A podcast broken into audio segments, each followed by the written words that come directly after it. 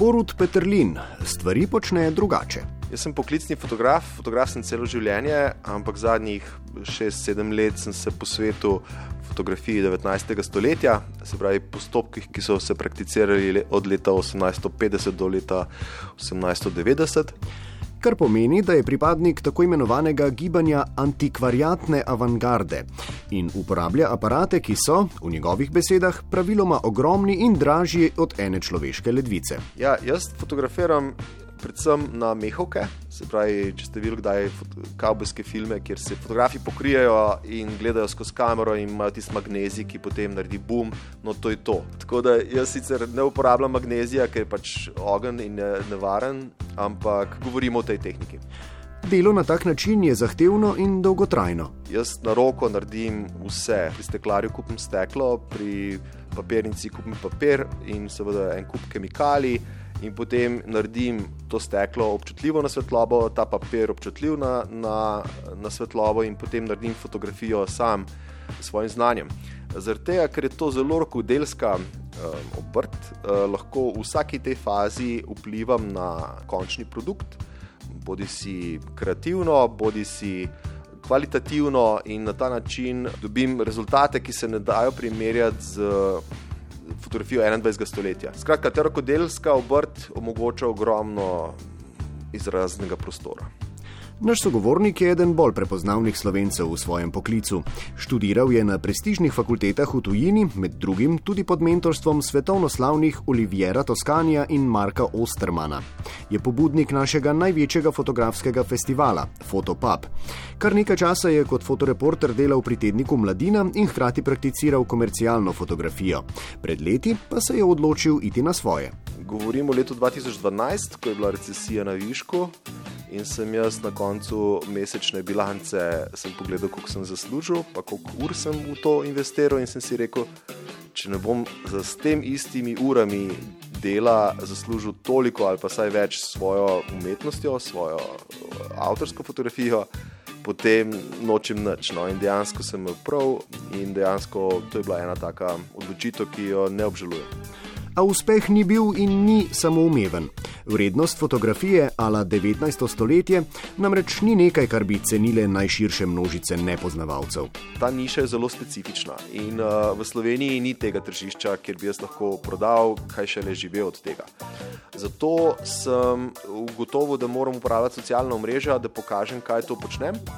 Ampak sam fotografija ni dovolj. Zakaj? Zato, ker gledamo to na računalniških zaslonih ali pa na, še na mobitelih in to izpade, kot da bi nek Instagram uporabil nek poseben filter. Zato sem se odločil, da moram povedati celo zgodbo, ko ta fotografija nastane, da sem jaz za to fotografijo delal en teden. V ta namen na svojem kanalu na YouTubu objavlja videoposnetke, v katerih na atraktiven in kreativen način prikaže ne le končne izdelke, temveč predvsem postopke njihovega nastanka. Večina umetnikov ne pojasnjuje, kaj počne ali pa zakaj počne ali pa kako počne. Jaz sem ugotovil, če bom šel to pot, bom najverjetneje končal v cukrarni z kakšno jetiko. Jaz nočem biti profesor na, na neki akademiji, jaz nočem biti komercialni fotograf, jaz hočem biti fotograf, ki dela te svoje stvari. In edina način, da ljudje um, kupijo moje fotografije, moje izdelke, je to, da jih povabim v moj miselni in kreativni proces.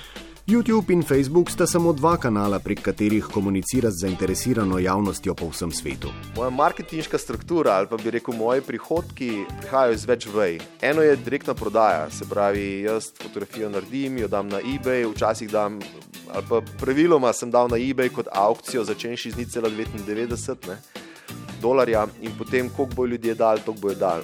Drugi prihodek, zelo pomemben prihodek, je, so fotografske delavnice. Ljudje eh, hodijo k meni, govorimo o straži pri novem mestu, ljudje hodijo z celega sveta.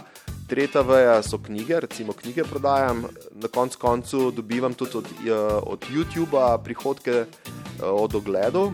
Zadnja in mogoče najbolj pomembna veja mojih prihodkov je pa, je pa Patreon. To so pač ljudje, ki me spremljajo na YouTubu, In na koncu mojega vloga jih povabim, da mi, pač, da mi plačajo, kupijo čaj ali pa pico vsak mesec. In teh ljudi je že čez 70, in jaz dobijam kol 500 evrov žepnine, dobesedno, od teh ljudi. Ustvarjalcem, ki bi radi svoje stvaritve tržili prek spleta, priporoča, da se ne učijo nagovarjati spletne publike. Na internetu je tako pravi, da občinstvo najde tebe in ne obratno. Internet občinstvo je zelo specifično. Pravzaprav ljudje se trudijo naštudirati, kaj deluje. To je čista napaka.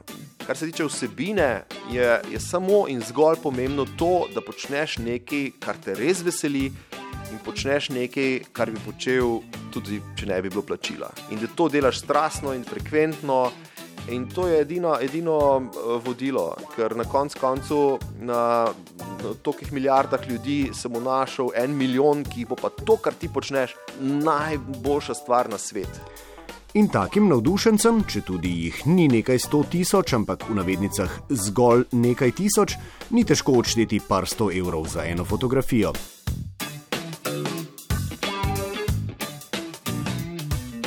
ali pa pač podpreti delovanje umetnika z mesečnim prispevkom.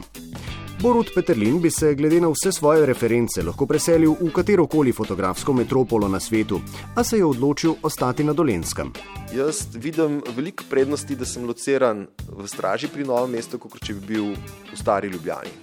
Zakaj? Zato, ker nekdo, ki pride recimo, iz New Yorka, naprimer, mu jaz lahko več ponudim tukaj, tukaj je Kočevski rok, je Krka so gozdovi in je ta atelje, ki je na železniški postaji, ker je tudi sam po sebi odštekan. Tako da na ta način um, lahko ljudem, ki pridejo iz mest, iz vele mest, ponudim nekaj, kar oni nimajo. Ampak to je samo komercialni vidik.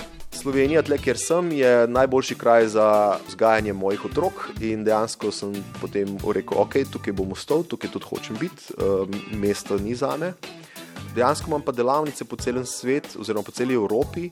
Sam minuli mesec sem jih imel v Berlinu, Hamburgu, blizu Vinčence, čez naslednji teden grem v Pariz. Tako da imam, imam teh delavnic veliko in dejansko se ne počutim utesnjenega. O načrtih za prihodnost ne razmišlja. Ko bo prihodnost prišla, ugotavlja, se ji bo reklo sedanjost. In takrat, če v sedanjosti ta trenutek ne znaš uživati, zelo verjetno tudi ne boš znal. Jaz sem naredil nekaj napak v življenju, kar pomeni, da živiš za neke dogodke v bodočnosti, da se nekaj odrekaš. Ta nemer se sam preoblikuje. To, to sem se naučil, toliko sem pa že časa na, na, na tem svetu, da sem se naučil. Pomembno je, da sem spokojen sedaj in uh, temu jaz rečem svoboda.